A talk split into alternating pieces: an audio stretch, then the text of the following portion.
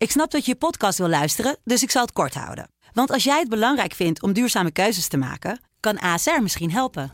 Nou hoor ik je denken, hoe dan? Nou, bijvoorbeeld bij het duurzaam herstellen van schade. Of de premies die we beleggen volgens ons duurzaam beleggingsbeleid. Dat bepaalt waar we wel en juist niet in investeren. Wil je meer weten over welke duurzame keuzes ASR maakt? Ga dan naar asr.nl/slash duurzame keuzes. ASR doet het. Zo, dan kan je nu lekker naar je podcast luisteren.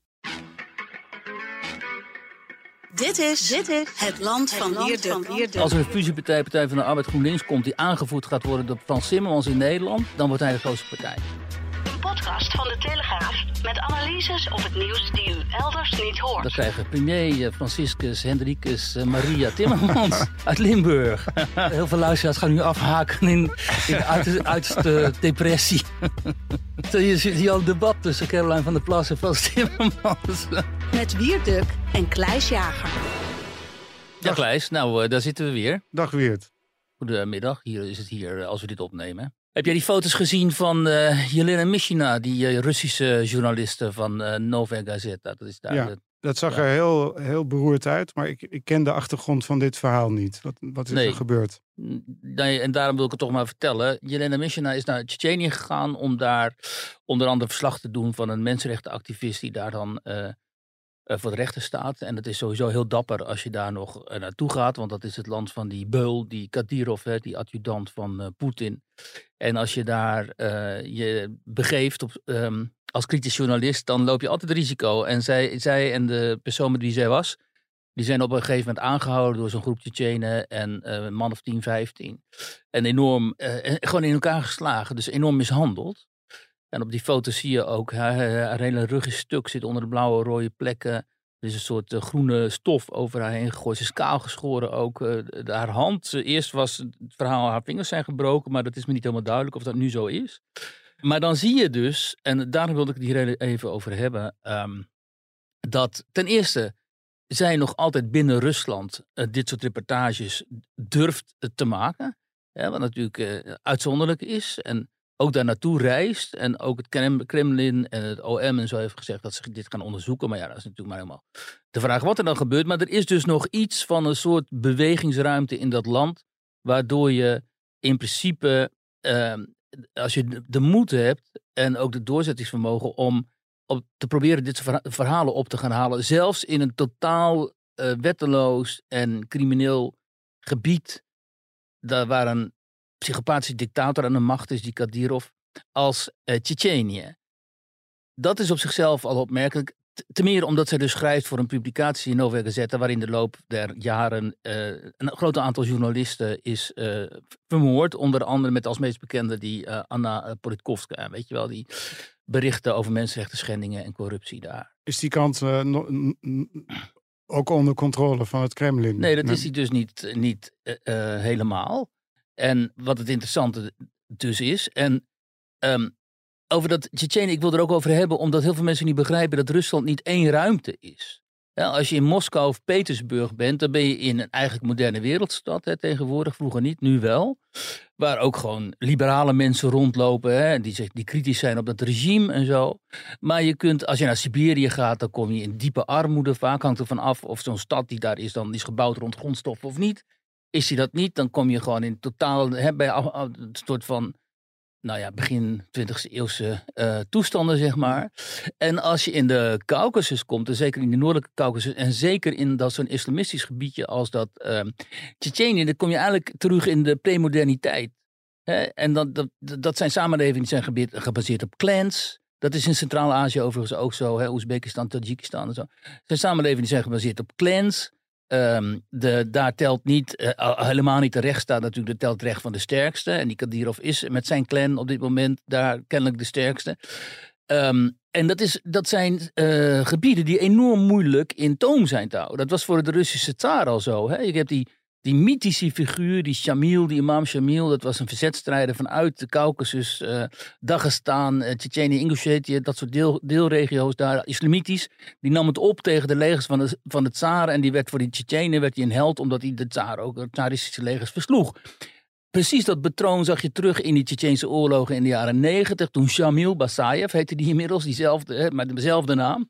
Die race op vanuit die bergen daar. Nam het op met zijn rebellen tegen de uh, Russische uh, troepen inmiddels. Van de Russische federale regering. En versloeg hen ook. Dus de grote angst.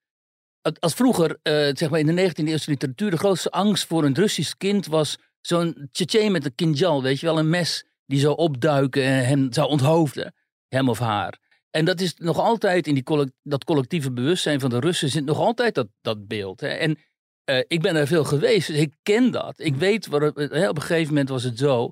Toen wilden wij ook nog Tsjetsjenië in. En er waren niet meer zoveel internationale journalisten die dat deden. Een paar nog.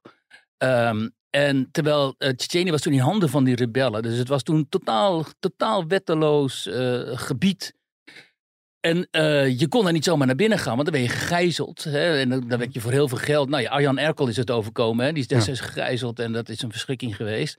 Dus dan was je, afhankelijk van. Dan betaalde je heel veel geld en dan was je afhankelijk van zo'n clan.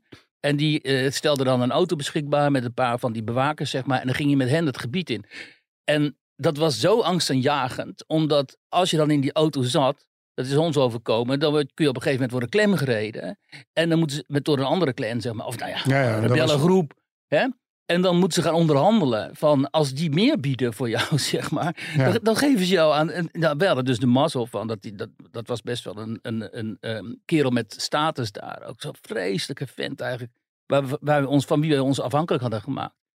En uh, die levert ons wel weer goed af. Hè? Dus die deed zijn werk. We konden door Tsjetsjenië reizen. En dan levert ons uiteindelijk weer af over de grenzen zo. Maar we hebben best wel doodsangsten uitgestaan. Omdat je wist van ja, je bent totaal onveilig. En misschien uh, gaat hij je verkopen. Nou, dat is ook een gebied natuurlijk waar die Poetin mee te maken heeft. En die, die, die, um, daar is hij twee keer verslagen hè, door die rebellengroepen. Dus toen heeft hij zich op een gegeven moment afhankelijk gemaakt van die Kadyrov-clan. En toen heeft hij, uh, Kadyrov heeft hij de boel daar laten opruimen. En nu zit hij min of meer ook met de gebakken peren, omdat hij, die Kadyrov heeft een groot leger. Hij steunt hem in uh, Oekraïne. Vervolgens, maar die Kadyrov is dus wel totaal, dat is een beest. Hè. Het is ook verschrikkelijk dat iemand als Ruud Gullit voor die vent heeft gewerkt. Hè. Dat is natuurlijk absurd, toen ja. met Terry Grosny, weet je wel. Maar dat is een van de grootste beulen in de moderne geschiedenis, die man. Uh, en die, die klapt daar dus een vieze zaakjes voor Poetin op. Dus dat straalt natuurlijk ook. Ja, Poetin is natuurlijk zelf ook een schurk. Maar dit straalt ja. nog eens even extra op hem af. En dan komt er zo'n vrouw van 45. En dat wil ik dan mee eindigen. En dat vind ik dan zo mm. krankzinnig dapper. En ik heb dat soort Russische collega's gekend. Hè, destijds ook. Uh, Politkovske en ook anderen en zo. Die bleven gaan. Die bleven gaan om daar die mensenrechten schendingen aan de kaak te stellen. En ze kenden iedereen daar. Dat was ook altijd zo interessant. Ze kenden ook mensen, ze hadden ook bronnen binnen de macht en zo, weet ja. je wel. Ze zo denkt, goed ze, waren ze. Ze denkt misschien dat die bekendheid haar beschermt. Ja, alleen ze hm. kan natuurlijk zeggen, uh, mijn collega's die zijn vermoord, uh, die, die voelden zich misschien ook beschermd door die bekendheid, maar die zijn wel vermoord. Maar dit zijn dus de echte uh, journalisten, hè? Die, die, die, het gaat om het verhaal, ze moeten ter plekke zijn. Ze willen dat doen vanuit een soort innerlijke drive en uiteindelijk raak je dus gewoon, word je zwaar mishandeld. En sta je internationaal op uh, foto's die uh, laten zien, uh, die misschien trouwens wel een, een pregnanter beeld schetsen van de situatie daar dan ze met een artikel in een Russische publicatie ooit had kunnen verwezenlijken. Dus in die zin ja. hè, is dit misschien wel een heel krachtig ja. statement. Maar ja, ik bedoel, het is natuurlijk verschrikkelijk bang. Over naar de slavernij-excuses van de koning. Dichter bij huis. Ja. Dat was ja. mooi en belangrijk. Uh, ja, dat begreep ik ook. Dat ja. vonden heel veel mensen heel mooi en belangrijk. Maar je kunt er ook op een andere manier naar kijken. Uh, een fragmentje van uh, Douglas Murray in een, ik meen, Britse of Amerikaanse uitzending.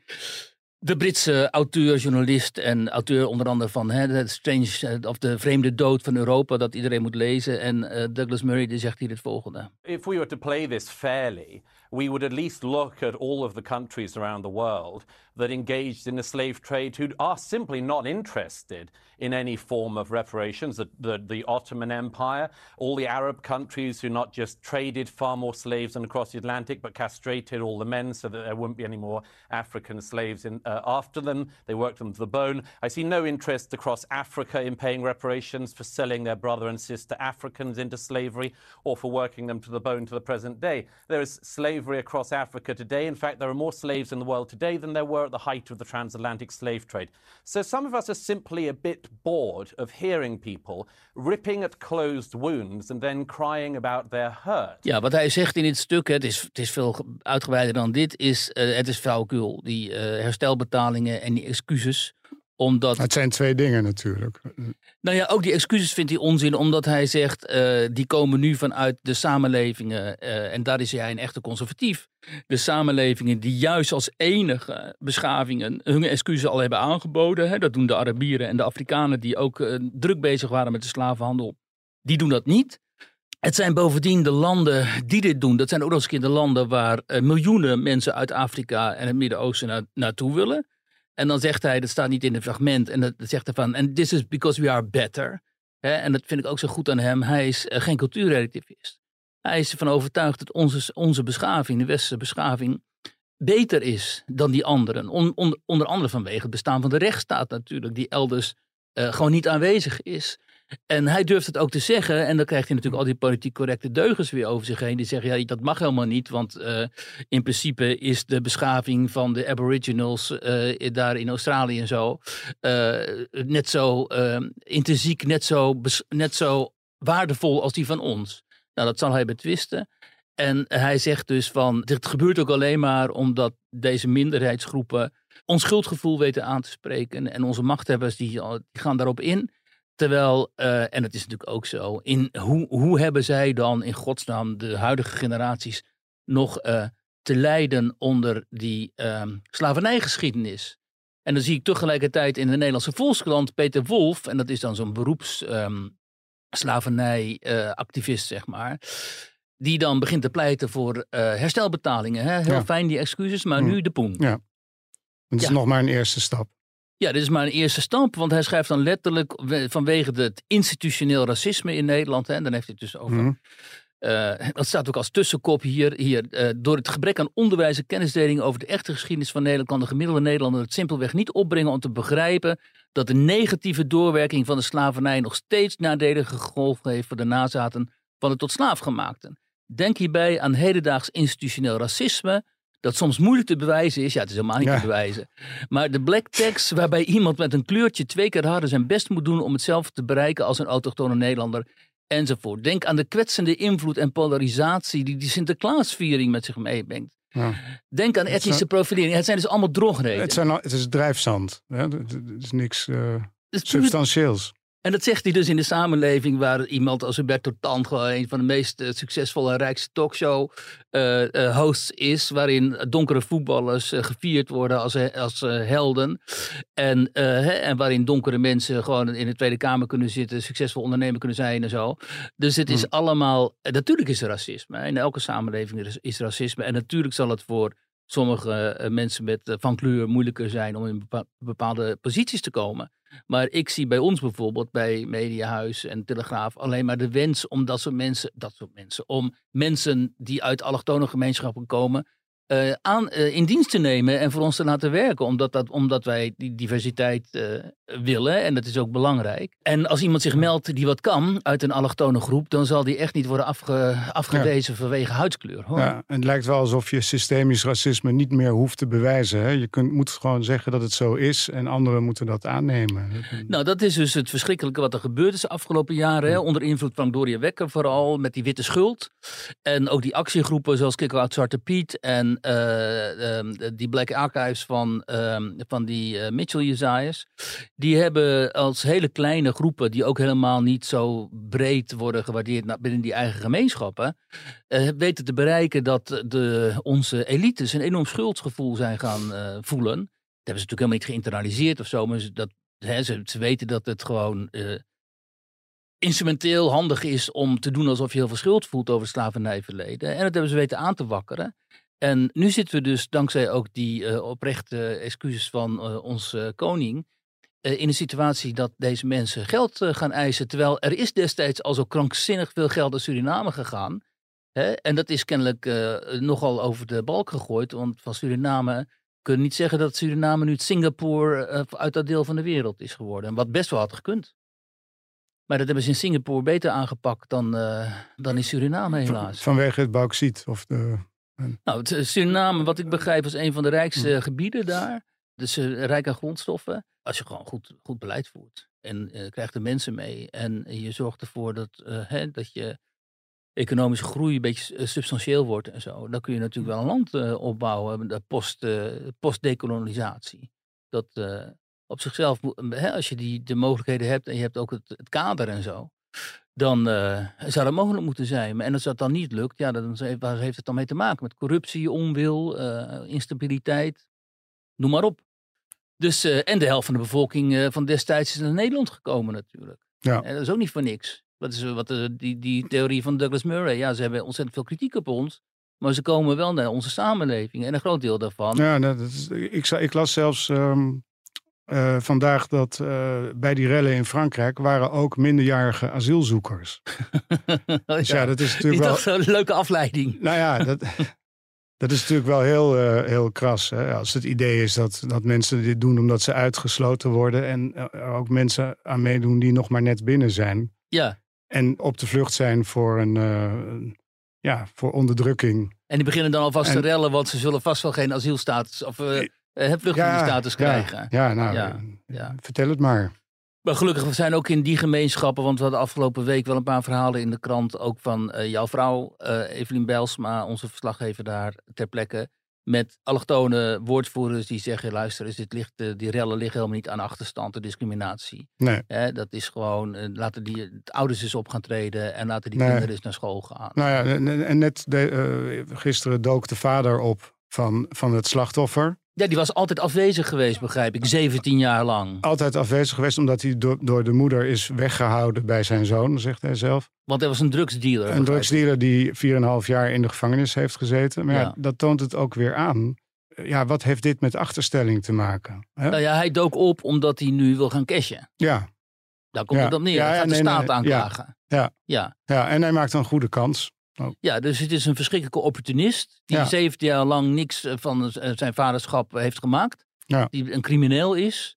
En die gaat nu, denkt hij, eh, hè, nu ziet hij, eh, nou wat hebben ze daar, de eurotekens. En nu, gaat hij, eh, nu duikt hij opeens op en gaat hij zijn verhaal doen. En ongetwijfeld klagen dat hij altijd zo vreselijk gediscrimineerd is in het racistische Frankrijk. En daarom drugs moest gaan dealen. Ja, ja dat, dat is de manier eh, om, om je te verschuilen natuurlijk. Hè? Achter die, die, die, die theorie. Vorige keer heb ik Tariq Yildiz genoemd. Dat is een, eh, een Ja. socioloog die, heeft honderd ex-criminelen met een islamitische achtergrond geïnterviewd. En ze, die heeft ze gevraagd van, zijn jullie nou ooit gediscrimineerd? Ja, En eigenlijk kon niemand daar een concreet voorbeeld van geven. Maar ze vonden wel allemaal dat dat het geval was. ja. En dat, ja, het, het is natuurlijk een, een, een, een, een manier voor sommige mensen om dat gedrag te legitimeren. Je kunt alles instrumentaliseren, zoals het heet. Hè? Dat heeft, Ja. je ziet nu ook die Frans Timmermans doen met die dode dame. eh. Ja, en het is niet voor het eerst hè, dat hij dat doet. Dat hij zegt dat er. ja, Timmermans heeft dus gezegd, eh, er is dus een, iemand gestorven tijdens een storm in Nederland. En Timmermans een uur nadat dat was bekendgemaakt, heeft hij gezegd dat, dat, de- dat dit toch een van de gevolgen is van de klimaatcrisis. En dat we daarom eh, veel meer ons best moeten nog, doen nog om de, die Ja. temperatuurstijging naar beneden te krijgen. Ja, precies. Daar moeten we allemaal elektrisch gaan rijden. En, Ja, dus het was eigenlijk een soort oproep om zijn nieuw de Green Deal eh, wat sneller doorheen te, te, te drammen. ja, Want anders vallen er nog meer doden. Daar komt het op neer. ja, Hij heeft het destijds gedaan met de MH17, hè? Ja. had een heel verhaal bij Jeroen Pauw. Hij ging bijna zelf huilen. Hij gaat altijd bijna eh, huilen van zijn eigen deugdzaamheid. Hè? ja, echt. Je zag hem ook een keer bij die film overheen. Had hij tranen in zijn ogen over zichzelf. Het is ook Ja. zo'n vreselijk, vreselijk fragment. Van dan Ja. is hij kandidaat voor, ehm voor ehm, spitsenkandidaat, weet je Oh, ja. bij de Europese verkiezingen. En dan is hij in zo'n debatje. Ik geloof met Manfred Weber van de CDU. De CDU in in een Duitse, Duitse talkshow. En dan eh, is de vraag van Herr Timmermans, eh, hier is een vraag van het publiek. Vindt u dat de islam tot Europa behoort? En dan Ja. zie je hem zo en dan krijgt hij zo'n enorm, zo'n kwezelige grijns. en dan zegt hij, seit 2000 jaren schon. Auch zum Ende dieses Kapitels eine Ja-Nein-Frage, die Sie wahrscheinlich schon das eine oder andere Mal gehört haben. vielleicht für uns heute ganz klar beantworten können, gehört der Islam zu Europa? Seit 2000 Jahren schon. Die glimlach zo van, kijk mij hier superieur zijn. Alleen die islam bestond 2000 jaar geleden nog niet. Nee. Dus er waren er allemaal mensen die zeiden, die zitten 700 jaar naast. maar Maar, maar wat denkt hij nou te bereiken met dit soort dingen? hè? Hij zegt dus van in de eerste plaats dat die storm eh, te maken heeft met klimaatverandering. Dat is niet zo. En dan eh ja, want dan krijg je dus allemaal experts bij ons in de krant die zeggen, ja, dat Ja. is flauwekul. Ja, en, eh, eh, maar, maar wat denkt hij hiermee te bereiken? Want eh, hiermee motiveert hij echt helemaal niemand, lijkt me. Nee, maar ja, dit soort mensen, die, die zijn zo, zo vol emotie over zichzelf. En je zag het ook toen kwamen dus die, die, die nabestaanden van die slachtoffers van MH17, die waren bij elkaar. En toen ging die ook naar hen toe om hen te omarmen en zo. Hè? Ja. het was zijn, zijn taak natuurlijk helemaal niet. Maar hij wil dat voelen ook. Hij wil voelen dat er gehuild wordt, dat er emoties zijn, Ja. dat de mensen geraakt worden, allemaal door hem. Ja. Hè? En wat met dat mondkapje bij MH17, hè, toen zei hij bij Jeroen Pauw eh, eh, dat er iemand was gevonden met een eh, zuurstofmasker. Waardoor, waaruit moest blijken dus dat ze op het moment dat die inslag was van die boek, dat ze toen nog de tegenwoordigheid van geest hadden eh, om dat zuurstofmasker op te zetten. Dus dat ze nog bij leven waren. Nou ja, dat, dat is natuurlijk totale flauwekul. Maar dat heeft hij volgens mij ook Ja. nog eens een keer bij de VN destijds, in dat, in dat. Engels, van dat pedante Engels van hem. Heeft hij het ook nog eens een keer half huilend eh, over het voetlicht gebracht. Maar echt, maar ja, eh, Ja, kijk, als Ursula van der Leyen naar de NAVO gaat, wat kennelijk. Joe Biden wil. Ik weet niet hoe dat procedureel dan precies zit. Maar wordt dan Frans Timmermans haar opvolger? Dat, ehm, God, of hij komt terug naar Nederland om die, die, die fus- gefuseerde partij, eh, GroenLinks, Partij van de Arbeid aan te voeren. Ja, ik En weet niet of dat kansrijk is. Eh, je zult zien, de media gaan achter hem staan. Eh, net zoals toen, hè, toen hij dus kandidaat was tijdens de Europese verkiezingen. En hij gaat gewoon die verkiezingen winnen. Ja, maar ik bedoel meer kansrijk voor de partij. Die fusie. Ja, of, of, of, of, of je met Timmermans dan Ik denk als er een fusiepartij. Ik, als er een fusiepartij, Partij van de Arbeid GroenLinks komt, die aangevoerd gaat worden door Frans Timmermans in Nederland, dan wordt hij de grootste partij. En dan hebben we premier Timmermans. Ja, echt? Ja. Die kans is heel groot gezien het schaapachtige gedrag van de Nederlandse kiezer. Die altijd kiest op degene die even door de media een paar maanden gepusht wordt. En dat was Kaag laatst. Ja, En dan wordt het Timmermans. Want Ja, heel die, die, zou goed kunnen. heel die NPO-kliek gaat natuurlijk achter hem staan. En dan, eh, dan krijgen premier eh, Franciscus Hendrikus eh, Maria Timmermans uit Limburg. heel, Ja. veel, heel veel luisteraars gaan nu afhaken in, in de uiterste, uiterste depressie. Man, Ja. man, wat echt. Ja, je ziet hier al een debat tussen Caroline van der Plas en Frans Timmermans. Ja. Oh, heerlijk. Maar goed. heb jij je klimaatpilletje vandaag al gehad? Nee. Toevallig. Ja, Nee. want het, dat valt me wel heel erg op hier. Ik denk dat het in Nederland nog erger is dan, dan in Frankrijk. Ja, dat het eh, echt werkelijk overal met de haren wordt bijgesleept. Hè. Je zag het in een eh, uitzending Studio Sport over de Tour. Dan gaat het over de, de, de, de voetafdruk van de, Van de Tour de Van de Tour de France. In de bergen. Ja, ja. dus Ja. geen gelegenheid Oh, voorbij laten gaan om mensen eraan te herinneren hoe ernstig eh, de situatie Ja, ja, we is. moeten telkens op ons zondige bestaan worden geweest in Ja. Nederland natuurlijk. Dus is Ja. een Calvinistisch land. Hè? En dan alles wat afgrijzelijk en zondig is, dat doen wij. En dan moeten is- wij door de is- media, dat zijn dan de dominees van tegenwoordig. Red de planeet, straf de mens. Dat is het. eh, Ja, en straf idee. vooral de Nederlandse mens, want die is het allerzondigst die, van dat is de allerergste. Ja.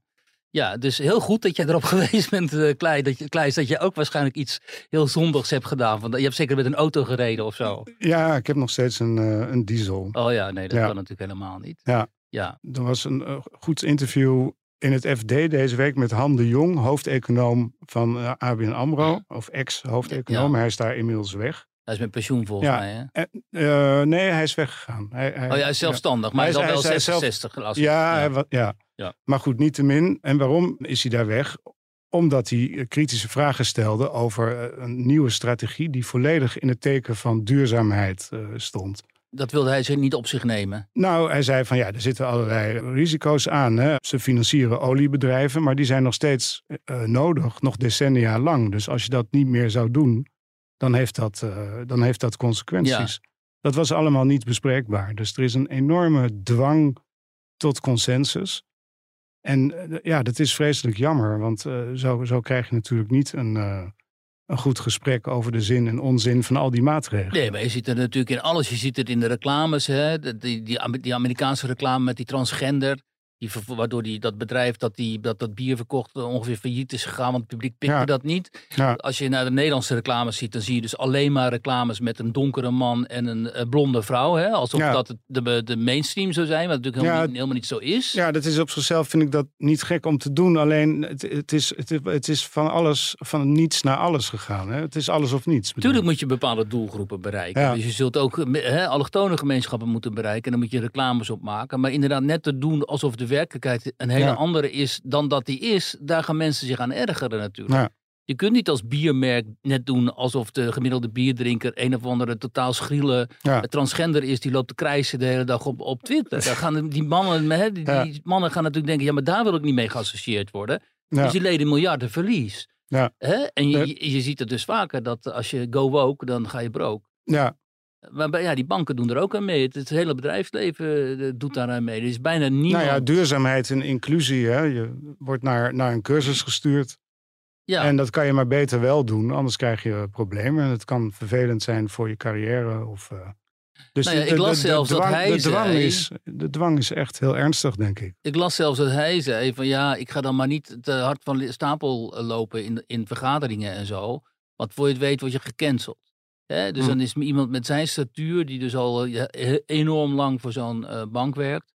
Zelfs Ja. die moet dan denken van nou, eh, ik kan maar een beetje gedijst, want zometeen gooien ze mij eruit. Ja, en hij zegt echt vreselijk veel verstandige dingen. Hè? Want we gaan van goedkope en betrouwbare energie naar dure en onbetrouwbare energie. En dat is, dat is nogal wat. Dus zeker gezien de, de geringe opbrengst van al die maatregelen voor het klimaat, zou je daar eh, wel eens wat kritischer over mogen zijn.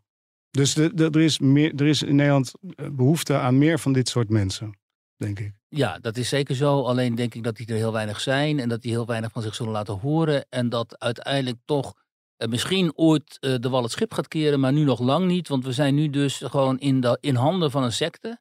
Heel, eh, wij niet alleen, ook, Euro, ook Duitsland, andere landen en zo, van een klimaatsecte. Die inderdaad zonder blik of blo- blozen, zoals Rob Jetten, 28 miljard of nog meer beschikbaar stelt. Voor een uiteindelijk temperatuurvermindering van 0,0036 graden. Ja. Ja, dan ben je dus gewoon niet goed snik. Nee, maar hij, reg- hij, re- hij regeert natuurlijk ook over zijn gra- graf heen. Hè? Kijk, je kunt nu zeggen van we gaan 70 gigawatt aan windmolens eh, in de Noordzee neerzetten. Maar eh, ja, eh, het zal me niks verbazen als die er niet komen. Ik bedoel, het is ook een manier om ambitieus te zijn. En, eh, en dat dient een, een politiek Ja, om belang. piketpalen te slaan Ja. alvast. Ja, Ja. goed, maar da- als het...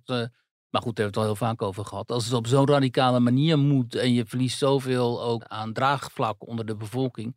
Ja, Ja. dan moet je je afvragen hoe slim je nog bent als politicus ook. Je ziet nu Ja. ook met die asielkwestie natuurlijk. Want het kabinet is, as we speak, geloof ik, niet voor niks in eh, crisisberaad. Want de crisis, Ja. het asiel is natuurlijk ook jarenlang, decennia lang, in de handen geweest van naïvelingen Ja, die vinden dat we maar eh, iedereen ons land moeten kunnen laten bi- binnenlaten en zo. Want wij zijn zo rijk en zij zijn zo, zij zo arm. En we mo- we moeten hen verzorgen en zo. En eh, desnoods tot, tot het graf. ja, ik zag een tweet van je waarin je Nederland veel succes wenste met de instroom van... Ja, er was weer, hè, er was weer een hele provincie bijgekomen. Ja, Nu heb ik Jan van der Beek nog even eh geappt vanochtend. Want gisteravond bij Opeens zat die Arno Grunberg. En die, eh, Oh. die heeft een nieuwe serie gemaakt over het asiel, de asielproblematiek in Europa, geloof ik. Dus die is overal naartoe gereisd. En eh, die zit dan aan tafel en heeft ook een nieuw boek daarover. Waarin ook de, de rijke Jood, George Soros, aan bod komt omdat eh, Soros, zoals we allemaal weten, die filantroop, maar investeerder en vooral ook eh, iemand die ooit het eh, Britse pond kapot gespeculeerd heeft. Die bemoeit zich ook erg met die asielproblematiek. Die vindt dat onze grenzen nog veel opener en poreuzer moeten zijn. ja. En zoals sommige mensen waarschijnlijk ook wel weten, is George Soros, Soros financiert onder andere die kleurenrevoluties in voormalige Sovjetrepublieken, waardoor die landen voor een groot deel in enorme chaos eh, raakten. Eh, maar ik heb Jan, de Be- Jan van der Beek nog even Ja. geappt en gevraagd, Jan, hoe zit het nou precies met die, ehm, met die, eh, met die aantallen? En dan komt hij inderdaad uit dat in 2022 waren er precies 35.535 eerste asielverzoeken in 2022. En 22, 32 procent uh, van dat aantal kwam in de eerste vijf maanden. Dus hij schrijft, als je extrapoleert op basis daarvan, want we zijn nu vijf maanden verder, het is nu juni, dan kom je in 2023 op 37.459 asielzoekers. Uh, maar er komen nog nareizigers bij. In 2022 waren dat er 10, 11.000, laten we zo zeggen. Mm. Dan zit je weer alweer op 46.000. En dan komt daarna nog de gezinshereniging natuurlijk. Dus er zijn, uiteindelijk gaat het om enorme aantallen. Hè? Hmm. Want die gezinsherenigingen, er komt eerst iemand en die blijft, die krijgt uh, status. En dan komen er twee, drie andere mensen en zo. Ja. Dus we kunnen dit, uh, heel, kunnen mensen Grunberg en zo dat wel gaan relativeren. Want die willen sowieso, die zijn heel erg tegen de nazistaat sowieso. En die willen niks liever dan dat de grenzen niet meer bestaan. En dat we allemaal diffuus worden. En maar heeft hij een voorstel uh, ook? Grunberg? Ja. Nou, dat we hier veel relaxer mee moeten omgaan. En niet zo moeten panikeren. En uh, dat het helemaal niet om grote aantallen gaat. Nou, dan kan ik hem aanraden om even in de grote steden te kijken van Nederland. En te kijken wat immigratie daar uh, aan een enorm demografische um, ontwikkeling heeft bijgedragen. En ja. de allochtonisering van onze grote steden. En ook voor een heel groot deel natuurlijk de islamisering een islamisering en allochtonisering die in, in Frankrijk tot die rel heeft geleid. Ik zag Marine Le Pen in een eh, enorm um, uh, goede eigenlijk, uh, ja dat mag je helemaal niet zeggen natuurlijk, want zij is natuurlijk een fascist. Nee, hè? je kunt dat niet zeggen. Nee, maar ze had er wel heel, want ik vind, zij is in mijn ogen geen fascist, maar goed, dat vinden mensen dan. Die daar in het parlement de minister aansprak, die vrouwelijke minister, jij kent haar wel, ik weet niet, of de premier was de dat. Premier, de ja, premier, ja, Elisabeth Borne. Precies, en die zat niet op haar handy, nee, op haar, um, op haar telefoon te kijken, zoals Mark Rutte altijd doet, maar die zat nogal aandachtig te luisteren en ook wel, hè naar eh, Le Pen te kijken en zo. En eh, Le Pen die zei daar in die goede retoriek van haar... Qu'est-ce que vous avez fait de la France? Ja. Wat hebt u in godsnaam met Frankrijk gedaan? Hè? En dat vind ik dan zo'n eigenlijk zo'n emotionele uitspraak. Want dat is natuurlijk precies wat heel veel Fransen, maar ook Nederlanders en Duitsers en Britten, hoewel Britten staan er weer wat anders in, Zweden inmiddels, allemaal denken: wat hebben jullie in godsnaam met Europa gedaan? En dat is dat boek van Douglas Murray ook, die we eerder hoorden in deze podcast. Die, the, the, Strange Death of Europe gaat daarover. De dood van, eh, van, van um, Europa. En daar hebben dit soort mensen zoals die premier nooit een antwoord op. Hè? Nooit. Ook Mark, nou, Mark Rutte interesseert het überhaupt niet. Nee. Hè? Maar de, de vraag is natuurlijk wel of Le Pen een antwoord heeft. Want je ziet nu Meloni in Italië. Precies. Hè, dan, dan, dan weet je niet wat zij dan, uh, ja, behalve verdragen opzeggen en uh, uit de Europese Unie opstappen. Uh, of ik weet het niet. Dit sluit eigenlijk aan op Bart de Wever, hè? Dat, dat, jouw interview met... Uh... Ja, ik sprak inderdaad vorige week Bart de Wever, burgemeester van Antwerpen en leider van de NVA, die partij in Vlaanderen. De Wever had een aantal hele behartenswaardige, vind ik... Hij heeft een, een, een pleit voor een gedeelde visie op burgerschap. Juist. Dat waar we dan ook vandaan komen, we moeten wel één ploeg zijn die zich houdt aan dezelfde basisregels. Dat, nou, dat, dat is eigenlijk het hart van dat verhaal van hem. Hè? Ja. ja. Ik viel even stil, want ik was het verhaal aan het zoeken, maar ik kan het niet zo snel vinden. Maar inderdaad dit, hè. Um, ten eerste is hij natuurlijk gewoon niet bang om ook een, uh, nationale, een nationale, nationale agenda mm te voeren. Vlaams nationalistisch. En liefst met Nederland samen. Want het ziet je als één ruimte eigenlijk. één taal, culturele Ja, dat vind ik een sympathiek uh, pleidooi eigenlijk. Waar in Nederland altijd lacherig over wordt gedaan. Van wat moeten wij nou met die, uh, met die Vlamingen? Ja, dat Terwijl Vlamingen zelf juist vaak verlangen naar die hereniging ja, en het ergert hem ook. Dan komt hij hier aan de Nederlandse talkshowtafels zoals bij op één. En er hmm. wordt enorm lacherig gedaan. Ja, ja, dan moeten wij zeker frieten gaan zeggen. Ja, ja. Uh, of op appelsien. Ja. En, en, en, het is goed te begrijpen, want je zou maar moeten samenleven met Walen. Dat is echt geen... Uh, nou ja, wat hij natuurlijk zegt is, luister, jullie Nederlanders, we kunnen zo meteen met 25 miljoen mensen, zouden we in één, in één ruimte kunnen leven. Met twee fantastische havens, uh, Antwerpen en Rotterdam. Ik werk al heel veel samen met Ahmed Abu Talib. We krijgen een enorm uh, economisch gewicht. We krijgen een cultureel gewicht in Europa. En in plaats van dat jullie zo lacherig doen, zou je beter kunnen gaan nadenken over hoe je dit op de lange duur kunt verwezenlijken. Ja. Te meer omdat uh, wij zitten met Wallonië, dat eigenlijk een soort Noord-Frankrijk is, waar iedereen op een extreem linkse partij stemt en uh, ons Ja. geld, ons belastinggeld uh, opsoepeert. Want Ja, daar, daar komt het op neer. Ja. Ook een bizar fenomeen, het Wallonië natuurlijk. Ja. Dan heb je gewoon echt communisten die daar zo onge- ongeveer Ja, ja, ja. zijn. Het is een, eh, in Frankrijk zeggen ze wel eens: het is alsof de CGT, dus de, een, grote communistische vakbond in Frankrijk, ja, aan de macht is daar. alsof die een land bestuurt. Ja. Zo, zo moet je je dat eh, Wallonië voorstellen. Dat zegt de Wever ook. Ik heb het En niet dat- opgeschreven in het artikel. Maar hij, zei van luister, er zijn er dus verkiezingen. En dan hebben wij gewonnen bij wijze van spreken. En dan de dag daarna meldt zich een ander land, Wallonië. En die gaan ook meedoen. In de, in de formatie en noem maar op. En zo. Dat is natuurlijk ook helemaal niet te doen. Dat Nee. land is helemaal niet houdbaar. Nee, en het, is, het wordt door Nederlanders niet vaak goed begrepen waar- Nee. waarom, dat problema waarom dat zo moeilijk is. Nee, Nederlands begrijpen daar niks van. Maar er zat in dat verhaal van Bart de Wever, omdat in het verhaal zette hij zich ook heel duidelijk af tegen wat hij noemt de Weimar-partijen. Dus Forum voor Democratie, PVV. Mhm. Ik denk dat die Le Pen eh, Ja. en AFD eh, ook op eh, één hoop gooit. Ik denk dat hij waarschijnlijk Le Pen daar ook mee komt. Dat zegt hij, Mhm. dat zijn de partijen die alleen maar willen afbreken. Die wil het Ja. systeem kapot maken. Ja, Ik wil het hij- systeem hervormen. Ja, hij wil een, vanuit het midden opereren en iedereen bij elkaar houden. Maar Ja, en dan, Dan- zegt hij dus ook, ook allochtonen, dan heb je dus een nationale identiteit, een nationale gemeenschap. En ook nieuwkomers kunnen daar deel van uitmaken, mits ze zich aan de regels houden. Maar tot wie ze bidden en wat ze eten en zo, dat interesseert me allemaal niet. We Ja. moeten afspreken dat we dezelfde spelregels hebben. Nou ja, en in die zin hebben ze met Asita Kanko natuurlijk Hmm. en ook eh, Daria Safai, die van Ja. Iraanse afkomst is, Ja. eh, vertegenwoordigers van die allochtone gemeenschap. Hoewel Asita Kanko zal zich niet beschouwen als Nee. vertegenwoordiger. Die beschouwt zichzelf gewoon als Vlaams. Hè, ik heb wel eens met haar eh, daar eh, gegeten daar bij haar in de buurt en zo. En dat is hartstikke gezellig. Dan zit je in een heel erg Vlaams eh, café, restaurant. Weet je, bij, de, de tapijtjes liggen nog net op tafel. Van die Vlamingen die steekfriet eten en zo. En wij ook. Ja. En eh, dus die is hartstikke Vlaams gewoon. Hè, terwijl ze uit donker Afrika eh, komt. Maar goed, dat zijn dus hele goede, goede representanten van eh, die Ja. mentaliteit. Eh, die wij in Nederland eh, op die manier niet hebben, omdat eh, bij BBB zit hij nu natuurlijk wel een beetje, maar daar zit geen intellectuele component aan. Forum had dat, dat geeft Bart de Wever ook toe. Maar Forum is ontspoord, zoals we weten.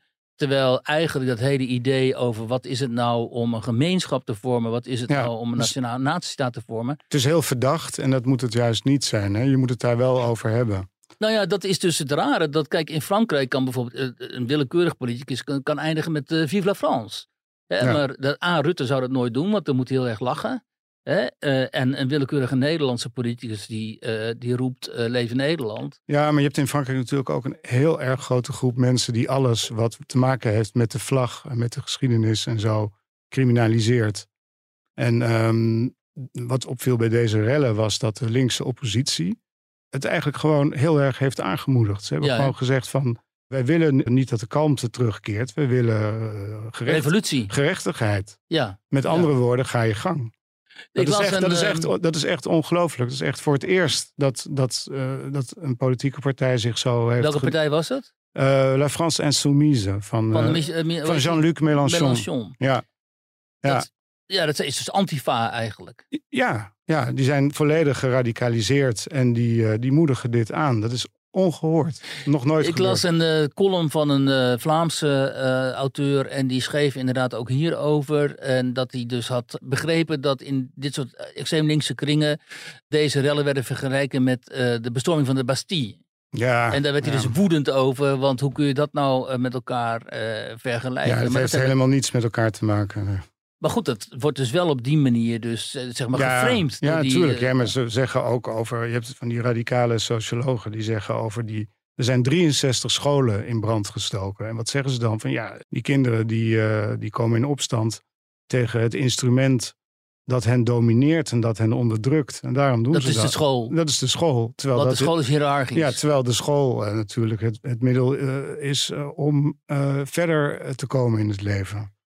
Kijk, uiteindelijk, lieve luisteraars, wat wij zien in deze tijd is natuurlijk de ruïnes van de linkse boomergeneratie die in de jaren 60 eh, door de instituties is gaan dwalen vanaf de jaren 60. Die destijds besloten, we kunnen Europa niet revolutiona- revolutionariseren via de politiek. Maar wat we wel kunnen doen is de macht grijpen als we in de media, in de cultuur, in het onderwijs met name ook, in de rechtspraak, in al die instituties infiltreren Hè? Ja. Het cultu cultuurmarxisme, wat niet genoemd mag worden, want dat is Ja. een. eh, hè? Eh, als ze die mars door de instituties gaan maken, daar de macht grijpen, dan hebben wij de macht in de samenleving. En dan maakt het niet uit of er een rechtse regering zit, bij wijze van spreken, of dat er, hè, of er een rechtse meerderheid is in het parlement. Nee. Wij Hm. zijn degene die aan de touwtjes trekken. En dat zie je dus ook, omdat in Nederland bijvoorbeeld, ik weet niet hoe dat in Frankrijk is, eh, al die woke typen, die zijn nu woke. Hè. Vroeger waren ze gewoon oud links, extreem links. En nu zijn ze woke. Die hebben gewoon overal de macht. En die bepalen wat we zien. Die bepalen wat we lezen, wat we op tv te zien krijgen. Die bepalen wat we mogen horen. Die bepalen wat we mogen zeggen. Het is misschien wel leuk om even op het relletje met die schimmelpenning te komen. Omdat dat de columnisten als die Sander Schimmelpenning bijvoorbeeld, zijn Ja. hun, hun stoottroepen, zijn zeg maar de stoottroepen van deze eh, eh, maatschappelijk-culturele elite. En die hebben dan een aantal van die lakeien die dan voor hen het woord doen. En dan ook heel radicaal dat mogen doen. Hè? Die mogen schelden, tieren, framen en zo. Dat moet ook. Ja. Omdat zij niet accepteren dat er andere geluiden doordringen in die eh, kokon. Ja, er zit iets van paniek in, eh, in die schimmelpenning, denk ik.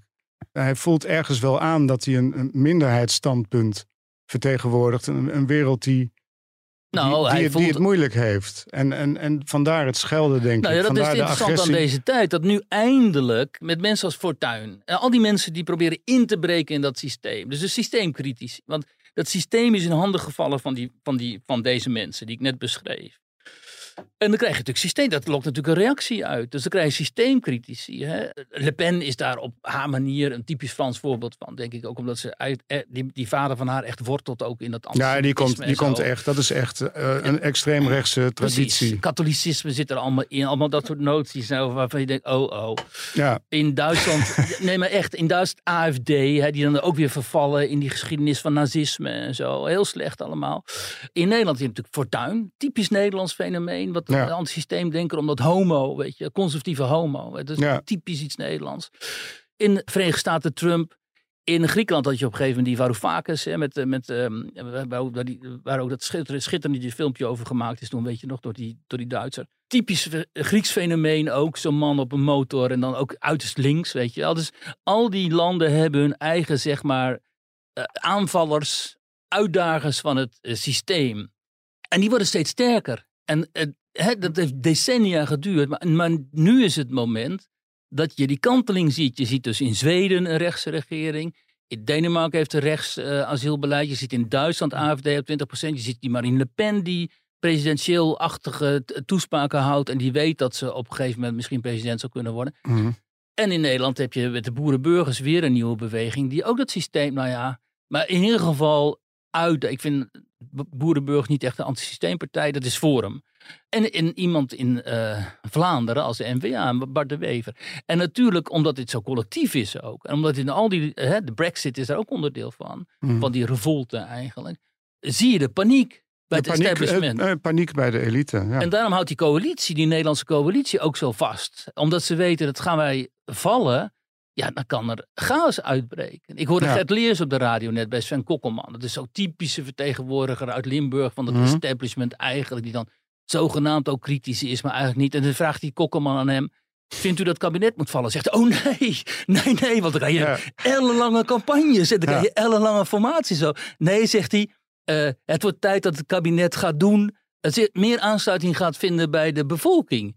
Maar dat is natuurlijk een totaal belachelijke gedachte. Dat, dat dit kabinet dat volledig onthecht is van de bevolking. En notabene zijn bestaansrecht daarop eh, baseert. Want zij wilden Ja. een klimaatagenda doorvoeren bijvoorbeeld. En eigenlijk ook een asielagenda. Die helemaal niet Ja. overeenkomt met wat Ja. de meerderheid van de bevolking precies. doet. Dat je denkt dat dit kabinet het gezicht aan het volk zou draaien. En zou zeggen, oké, we gaan toch een beetje meer naar jullie luisteren. Dat is natuurlijk Ja, belachelijk. en dat is ook eigenlijk de taak van een elite. Hè? Dat is de aspiraties eh, en de wensen van de meerderheid opzetten, eh, omzetten in politieke actie. Als dat niet gebeurt, ja, dan, dan gaan, gaan mensen Ja, maar voortdurend kabinet, kijken naar, naar een alternatief. En, eh, Ja, maar dit kabinet is een kabinet van de radicale minderheid. Hè? En dat wat, Hm. wat, wat nogmaals in die atlas van de afgehaakte van Josse de Voogd en René Cuperes zo goed wordt uitgelegd. Mensen die D66 en VVD stemmen en daarvoor actief zijn en zo, leven in een bubbel die oneindig ver verwijderd is van de rest van de mensen in dit land. Die regeren. En dat weten ze ook inmiddels. Maar ze weten ook dat ze net met voldoende zijn om dit beleid eh, te kunnen uitrollen. En, even, en nog net op tijd misschien alles zo, zo te, te, te, te gronden, zeg maar, dat eh, dit beleid onvermijdelijk wordt. Hè? Dat is natuurlijk de illusie die ze hebben.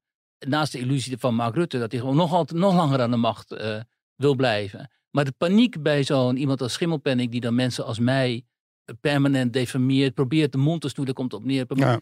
En ehm, Ja, komt daar vandaan. Het interessante is ook, en dat, is, dat moeten mensen toch ook eens goed gaan begrijpen wat het nou is, dat uitgerekend deze vent, die dus het publieke debat in Nederland compleet heeft vergiftigd. Hè? Dat, heeft niet, dat hebben niet anderen gedaan die op Ja. blogjes actief zijn en daar lopen te schelden. Dit is dus een prominente columnist in een van de grootste landen van Nederland.